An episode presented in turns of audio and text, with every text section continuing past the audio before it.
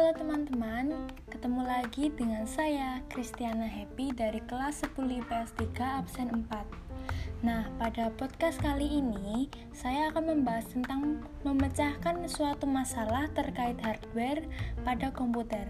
Oke, langsung saja kita mulai Nah, masalah yang akan kita pecahkan adalah memilih mana yang perlu di-upgrade antara RAM yang di-upgrade ke kapasitas lebih besar atau mengupgrade hard disk menjadi SSD.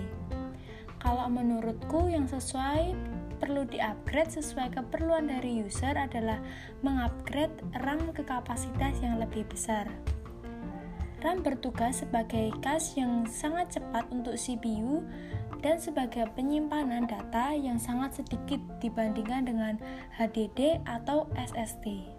Ia hanya menyimpan data sementara dari kinerja sistem operasi dan data dari aplikasi yang sedang kita gunakan.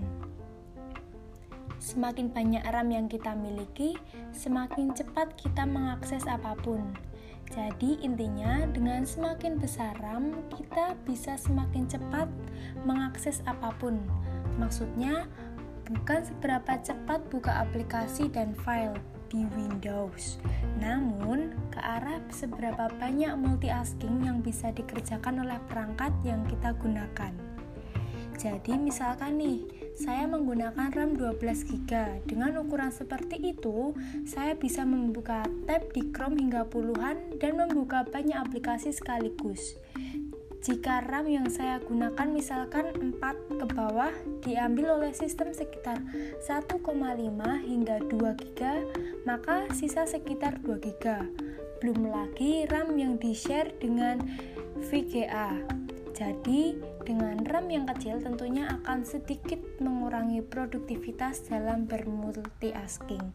Itu dia cara saya dalam menangani masalah yang dialami oleh user. Sekian dan terima kasih.